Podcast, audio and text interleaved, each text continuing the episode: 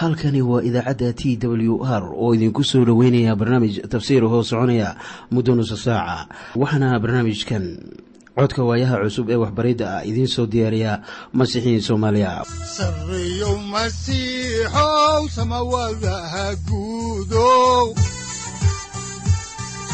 siraadkii adduunkow subanaha eebow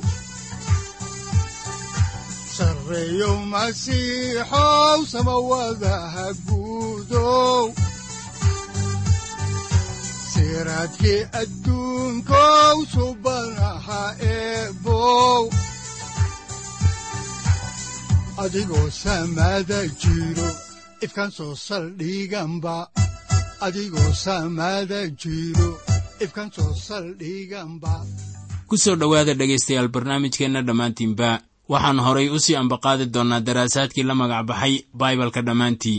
Waxaannu caawa idiin bilaabi doonnaa injiilka sida yooxanaa uu u qoray cutubka toddobaad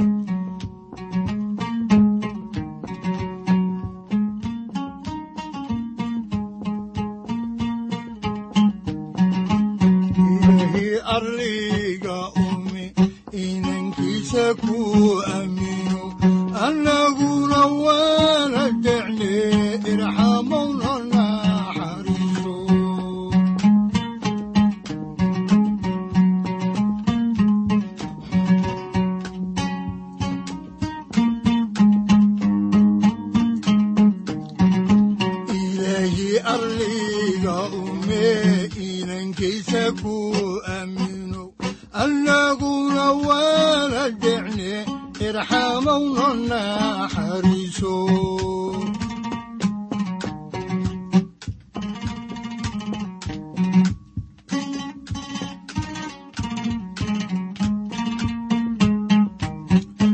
ilaa arliga yimido arrinka amraayu aha iminka ayeenogane irxamowno naxariiso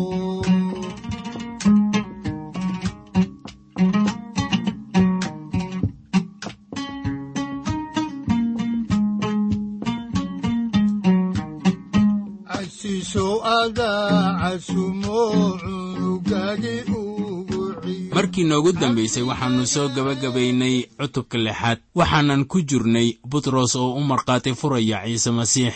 Kadib markii kuwo badan oo ciise la socon jiray ay ka tageen hadallo ay garan waayeen aawadeed ayaa ciise laba iyo tobankii hartay ee uu butros ku jiray. Wuxuu ku yidhi idinkuna ma doonaysaan inaad tagtaan.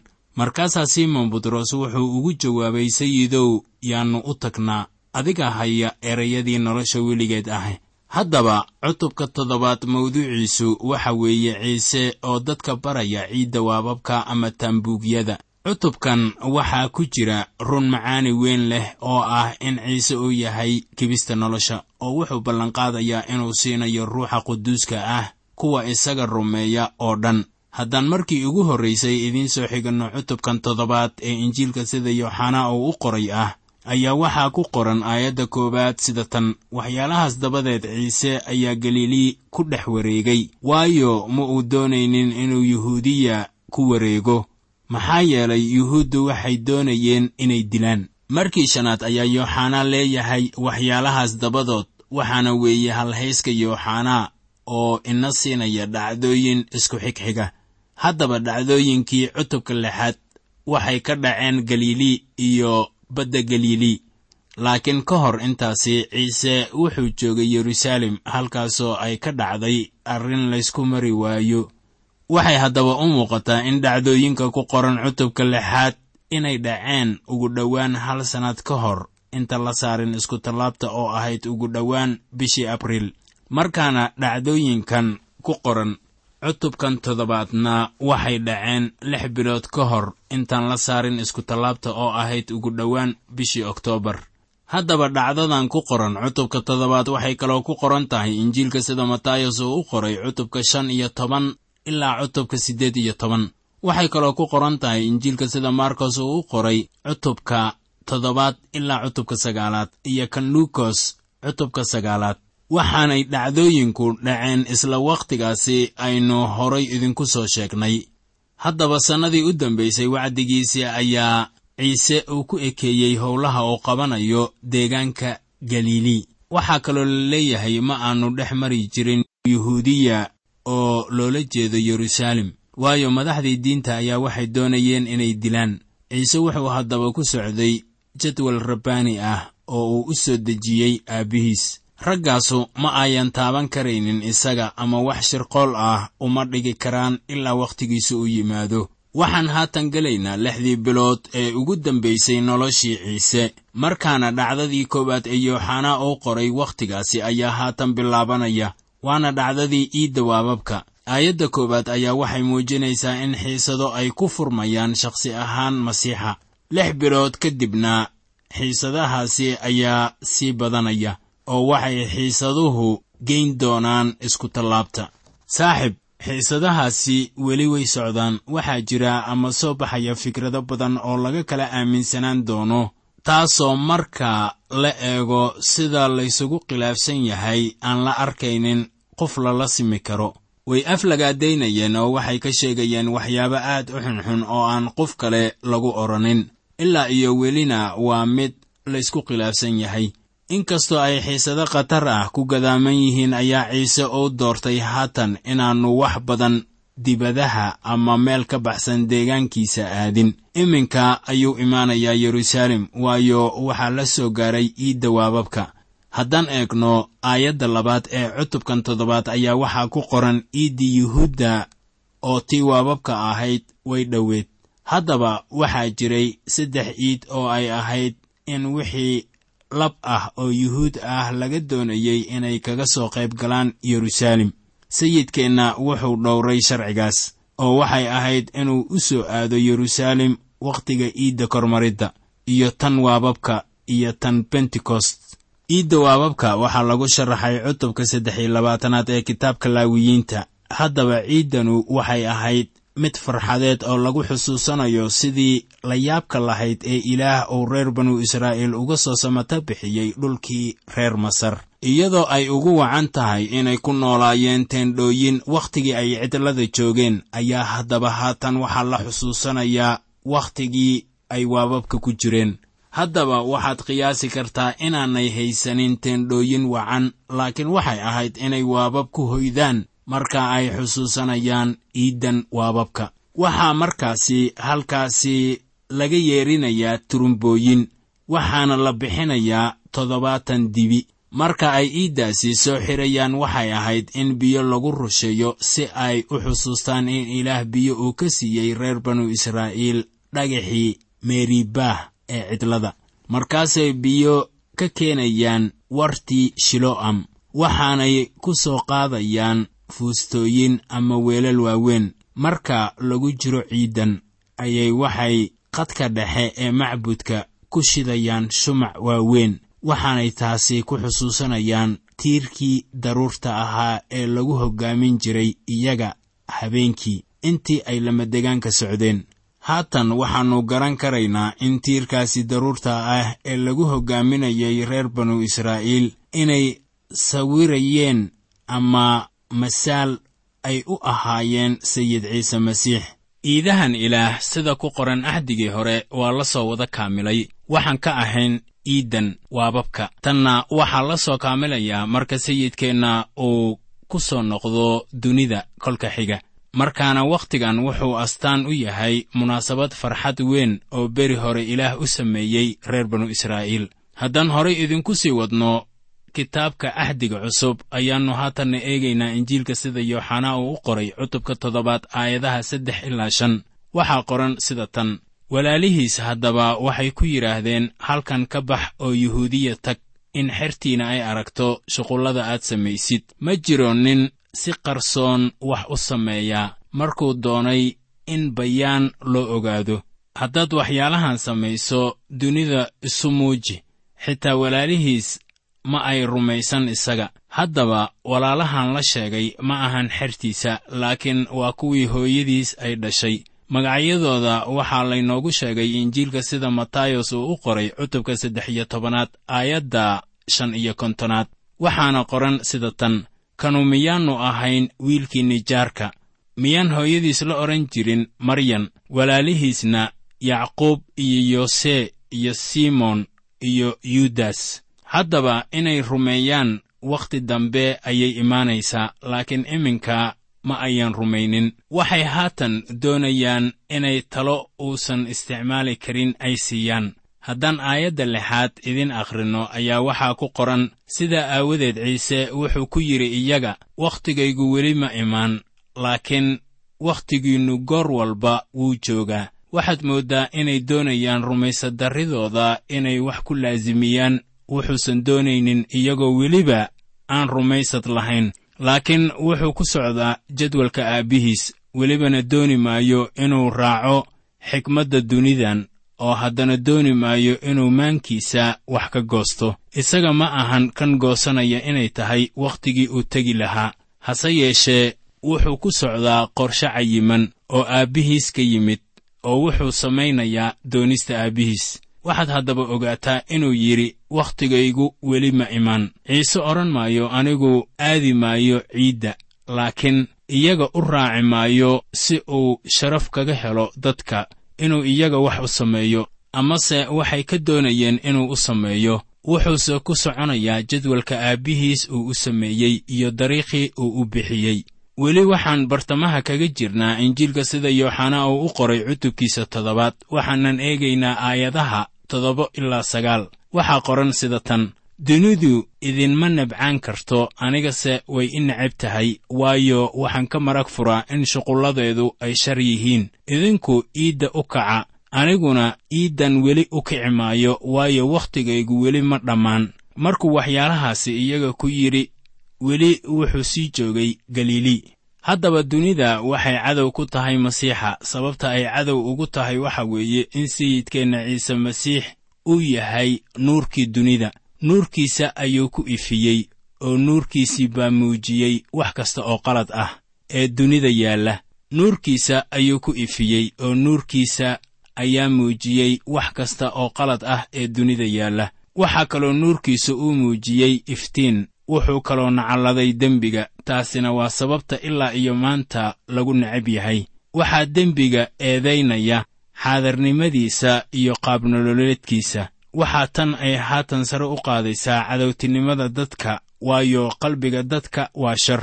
Masiixu wuxuu aaday iskutallaabta waayo wuxuu jeclaa bini'aadanka. Haddaba jeceyl furasho leh weeyaan kan jebiya niyadda cadowtinimada leh ee dadka. Waxaan tan si cad kaga arkaynaa noloshii saa'uulkii reer tarsas. Saa'uul waa magacii loo yaqiinnay bawlos intuuna masiixa noqon. Wuxuu ahaa nin khatar ah oo necab sayid ciise masiix iyo mid kasta oo raacsan isaga. Laakiin markii uu yimid ama gartay sayid ciise inuu yahay badbaadiyihiisa waxaa jabay qalbigiisii sharka ahaa wuxuuna odhanayey wuu i jecel yahay oo aniga dartay buu isku bixiyey. Haddaan horay idinku sii ambaqaadno injiilka oo aannu eegno haatan aayadda tobanaad oo leh markii walaalihiis iiddii u kaceen ayuu isaguna markaas xaggeeda u kacay. Bayaan kuma tegin laakiin sidii mid iskharinaya buu u tegey. Sida abbaarta ah wuxuu la safray xertiisa isagoo maraya jid qarsoodi ah. Wuxuuna ka galay magaalada ilinka aryuhu ay ka galaan. Waxaan rumaysanahay inuu had iyo goorba ciise ka geli jiray yeruusaalem ilinkaas ay aryuhu ka galaan ilaa laga soo gaaro wakhtiga loo yaqaanno gelitaankii guusha lahaa markaasoo uu muxaadaro ugu soo baxay dadka isagoo isku dhiibaya qarankaas oo welibana dalbanaya inay ama aqbalaan amase diidaan. Haddaan horay idinku sii ambaqaadno injiilka ayaannu haatanna eegaynaa.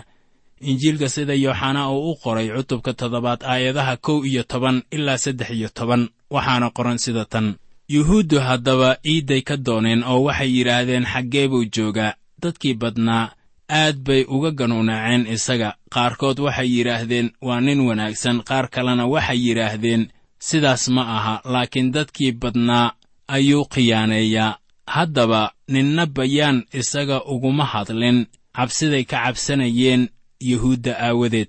Haddaba marka la leeyahay yuhuudda ayaa loola jeedaa madaxdii diinta iyaga ayaa raadinayay ciise oo waxay malaynayeen inuu imaanayo halkan. Waayo marka sharciga la eego waa inuu yimaado iiddan waxaa haddaba jiray in dadku ay ka hadlayeen kan uu ahaa. Laakiin si qarsoodi ah ayay uga hadlayeen. Waayo waxay dadka u keeni kartay dhib kaga yimaada madaxdii diinta haddii la arko iyagoo ammaanaya. Waxayna noqonaysaa in xitaa la xidho haddaan horay idinku sii wadno injiilkan qaayaha weyn leh ayaa waxaa ku qoran aayadda afar iyo tobanaad ee cutubkan toddobaad sida tan. Laakiin markay ahayd iidda dhexdeeda ciise wuxuu u kacay macbuudka. Wax ayuuna ku baray. Si lama filaan ah ayuu macbuudka kaga hor muuqday dadkii. Iiddan waababka waxay ku jirtaa taariikhda ilaah. Waxaanay ina hor keenaysaa masiixa marka uu ku soo noqonayo dunida iyo wakhtiga iyo marxaladda marka uu dunida imaanayo kolka xiga. Iiddan waxay ka hadlaysaa in wax waliba ay dhammaan doonaan.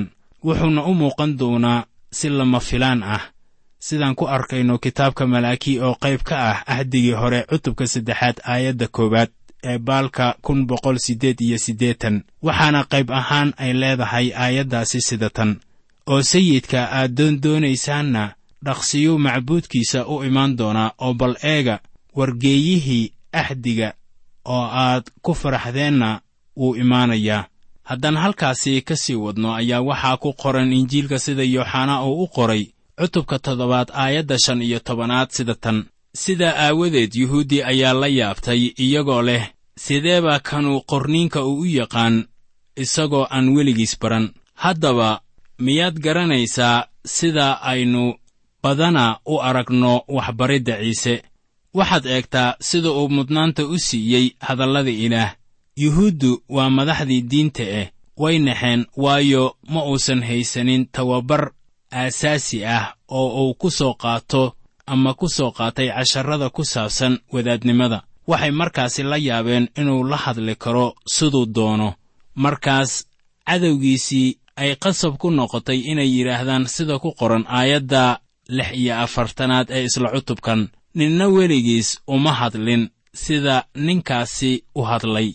Aayadda lix iyo tobanaad ee isla cutubkan toddobaad ayaa leh ciise ayaa haddaba u jawaabay oo ku yidhi waxbariddaydu tayda ma aha laakiin waxaa leh kan i soo diray. Marka in la diido farriinta ciise waxa weeye in la diido farriinta ilaah. Cutubka afaraad iyo kan shanaad ayuu ku adkaysanayaa ciise in isaga la diidaa inay ka dhigan tahay in ilaah la diido. Marka waxaannu garanaynaa xidhiirka sokeeya ee isaga iyo aabbaha ka dhexeeya waad diidi karaysaa laakiin marnaba yaynaan odhanin baibalku muujin maayo rabbaaninimada masiixa. Weli fari kama qodna xigashada kitaabkan ahdiga cusub injiilka sida yooxanaa uu u qoray cutubka toddobaad aayadda toddoba iyo tobanaad ayaa waxaa qoran sida tan haddii nin uu doonayo inuu doonistii ilaah sameeyo wuu garan doonaa waxbaridda. Inay tahay tii ilaah amase aan qudhaydu iska hadlayo. Waxaa nin la yidhaahdo weymawth uu ku tarjumay tan sida tan. Haddii nin doonayo inuu sameeyo doonistayda haddaba ahdigii hore ayaa leh. Waa kitaabka zabuuradda soddon iyo afaraad aayadda siddeedaad qayb ahaan. Balkaalaya arka oo dhadhamiya in rabbigu uu wanaagsan yahay. Waxaa jira halhays odhanaya dhadhanka cuntada waxaad ku garataa markii aad cunto. Haddaba ciise wuxuu idinku leeyahay kaalaya oo bal marka hore i arka waxaan ahay. Wuxuu leeyahay haddii nin uu doonayo inuu doonistii ilaah sameeyo wuu garan doonaa waxbaridda. Inay tahay tii ilaah. Marka waa inay jirtaa dabeecad jacayl ku laran yahay oo la socda hadallada ilaah qof baa yidhi aqoonta bini'aadanka waa in marka hore la ogaado ama la fahmo si loo jeclaysto. Laakiin tan rabbaaniga ah waa in marka hore la jeclaysto si loo fahmo. Waxaa halkan yaalla tillaabooyinka la qaadayo waxaana weeye garasho jacayl iyo addeecis. Taasina weeye tan uu ku weyddiisanayo. Waa wax fudud inaan inta dariiqyada istaagno dadka wacdinno laakiin marka hore sayidka wuxuu leeyahay balkaalaya arka oo dhedhamiya in rabbigu uu wanaagsan yahay. Waxaa markaasi qoran haddii nin uu doonayo inuu doonistii ilaah sameeyo wuu garan doonaa waxbaridda inay tahay tii ilaah amase aan qudhaydu iska hadlayo. Haddaba taasu waa layaabka hadallada ilaah ay leeyihiin. Saaxib haddii aad doonto taas ilaah baa kuu xaqiijinaya adiga. Welibana ruuxa quduuska ah ayaa hubaalkaaga dhigaya haddaan horay idinku sii ambaqaadna xigashada ayaannu haatanna eegaynaa aayadda siddeed iyo tobanaad. Waxaana qoran sida tan kan qudhiisuu iska hadlaa ammaantiisuu doonaa laakiinse kan doonaa ammaanta kan soo diray kaasaa run ah oo xaqdarro kuma jirto. Marka ay sidaas tahay saaxib ayaa su'aashu ay noqonaysaa in dadku ay doonayaan inay maqlaan hadallada ilaah. Dabeetana waxay maqlayaan ciise masiix oo u imaanaya inuu la hadlo aabbaha. Waxaase ayaan darra ah in dadku ay dad un xiisaynayaan kuwaasoo ammaantooda daba jooga. Haddii ciise masiix uu isku taxallujin lahaa inuu firqooyin diimeed abuuro dadkaasu way dhegaysan lahaayeen laakiin ciise isaga isma uusan aaminin. Wuxuuse aaminay kii soo diray waxaa haddaba bawlos uu leeyahay sida ku qoran warqaddiisii koowaad ee reer korintos cutubka labaad aayadda afar iyo tobanaad sida tan. Ninka nafta raacaa ma aqbalo waxyaalaha ruuxa ilaah. Waayo nacasnimo bay u yihiin mana garan karo. Maxaa yeelay ruux ayaa lagu imtixaamaa. Marka ay sidaas tahay waxaad arkaysaa in dadka qaarkii ay akhrinayaan baibalka oo welibana ayaan waxba ka faa'idin haddaan dib ugu noqonno xigashadii injiilka sida yooxanaa uu u qoray ayaannu eegaynaa aayadda sagaal iyo tobanaad. Waxaana qoran sida tan miyaan muuse sharciga idiin siin? Midkiinnana sharciga ma yeelo. Maxaad u doonaysaan inaad i dishaan? Waxaannu inta ku arkaynaa labawejiilanimada culimmada ama kuwa yidhaahda waxaannu nahay kuwa raaca sharciyada qoran. Sayid ciise wuxuu leeyahay ma jiro nin dhowra sharciyada haddaba sharcigu wuxuu inoo yahay sida muraayad oo kale oo waxaan awoodaynaa inaan aragno ama garanno inaan lunsan nahay ama aynu nahay dembiilayaal baadiyoobay.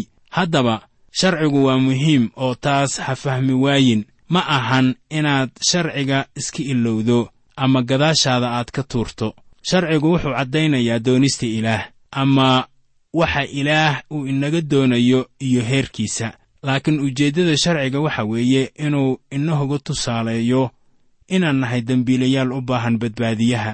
Sharciga waa aqoonta inoo keenta masiixa. Waxaan weli ku jirnaa xigashada kitaabkan axdiga cusub. Waxaanan eegaynaa aayadaha labaatan ilaa kow iyo labaatan. Waxaana qoran sida tan. Dadkii badnaa waxay ugu jawaabeen jinni baa qabtaa. Yaa doonaya inuu ku dilo. Ciise ayaa u jawaabay oo ku yidhi shuqul keliya ayaan sameeyey kulligiinna waa la yaabteen. Sida aynu garan karno iyagu ma ayan arkaynin ama lama ahayn inuu jiro shirqo la damacsan yahay in lagu dilo masiixa. Ciisena wuxuu soo qaatay hawshii uu sameeyey ee uu ku bogsiiyey ninkii uu ku daweeyey wartii bedsayda taasaana keentay in cadowtinimo loo qaado haddaan horay idinku sii ambaqaadno injiilka sida yooxanaa uu u qoray cutubka toddobaad aayadaha laba iyo labaatan ilaa afar iyo labaatan ayaa waxaa qoran sida tan. Sidaa aawadeed muuse wuxuu idiin siiyey gudniinta. Kama iman muuse waxayse ka timid awoowayaashin. Idinku sabdida ayaad nin guddaan. Haddii sabdida nin la gudo si aan sharciga muuse u jebin ma waxaad iigu cadhoonaysaan nin aan dhammaantii sabdida bogsiiyey aragtida waxba ha ku xukumina laakiin ku xukuma xukunka xaqa ah. Markaana haatan caadada gudniinka oo ka soo bilaabatay nebi ibraahim kana weyn sharcigii muuse ayaa noqonaysa xeer.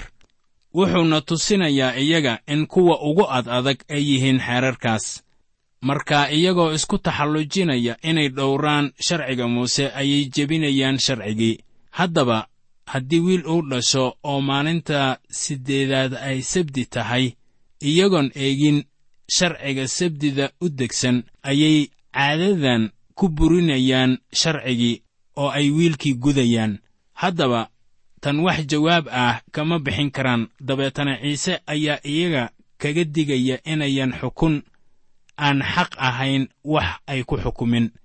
Innaga ayay inagu adag tahay inaan si caddaalad ah wax u xukunno waxaan garanaynaa go'aamo maxkamadeed oo dadka aynu ku xukunno innagoo oon weliba lahayn ama haysanin xaqiiqooyinka oo dhan. Haddaan soo gunaanadno xigashada ayaannu haatanna eegaynaa aayadaha shan iyo labaatan ilaa toddoba iyo labaatan ee cutubkan toddobaad. Waxaana qoran sida tan. Sidaa aawadeed qaar ka mid ah kuwa yeruusaalem waxay yidhaahdeen kanu miyaannu ahayn kan ay doonayaan inay dilaan. Bal fiiriya bayaan buu u hadlaa. Waxbase kuma yidhaahdaan taliyayaashu runtii ma og yihiin inuu kanu yahay masiixa laakiin kani meeshuu ka yimid waannu ognahay. Markuuse masiixu yimaado ninna garan maayo meeshuu ka imaanayo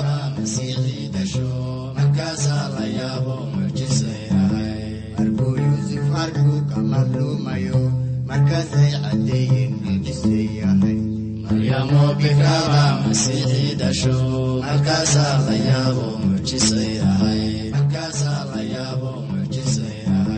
markuu yuusuf arkuu ka madluumayo markaasay caddeeyeen mucjise yahay maryamo bikraba masiixii dhasho markaasaa la yaabo mucjise yahay diintii masiixa maqaawiir arkeeno markaasay caddeeyeen mucjise yahay maryamo bikraba masiixii dhasho markaasaa la yaabo mucjise yahay boqorkii maqlay baa urugoodayo micnuhu la yaabo mucjise yahay maryamo bikraba masiixii dhasho markaasaa la yaabo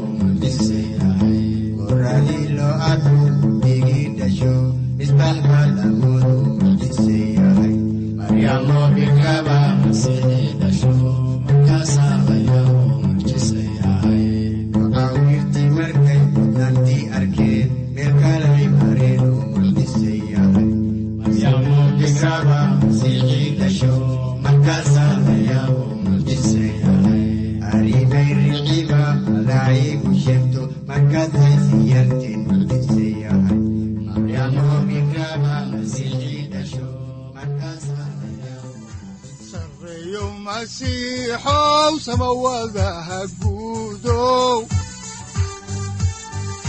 siraadkii adduunkow subanaha eebow adigoo samada jiro ifkan soo saldhiganba adigoo samada jiro ifkan soo saldhiganba kutubtiisanaye halkani waa t w r idaacadda t w r oo idinku leh ilaa ha idin barakeeyo oo ha idinku anfaco wixii aad caawi ka maqasheen barnaamijka. Waxaa barnaamijkan oo kalea aad ka maqli doontaan habeen dambe hadahan oo kale haddiise aad doonaysaan in aad fikirkiina ka dhiibataan wixii aad caawi maqasheen ayaad nagala soo xiriiri kartaan som t w r at t w r c o k e haddii aad doonaysaan in aad dejiisataan oo kaydsataan barnaamijka ama aad mar kale dhegaysataan fadlan mar kale booqo www t w r o r g amase www t t b t w r o r g.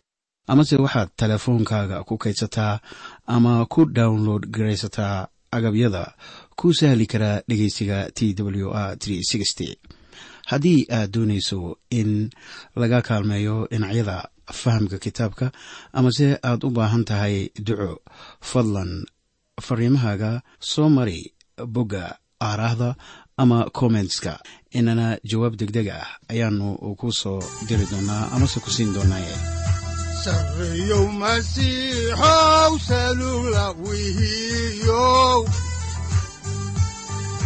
saacadda timid dhulka sabada ku dhalatiyo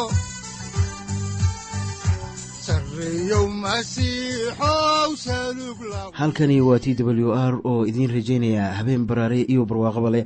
Inta aynu ka gaari doono wakhti aynu ku kulanno barnaamij la mida kan caawayay aad maqasheen. Waxa aan idinku leeyahay nabadda ciise masiix ha idinku badato xagga jidhka iyo ruuxaba. Aamiin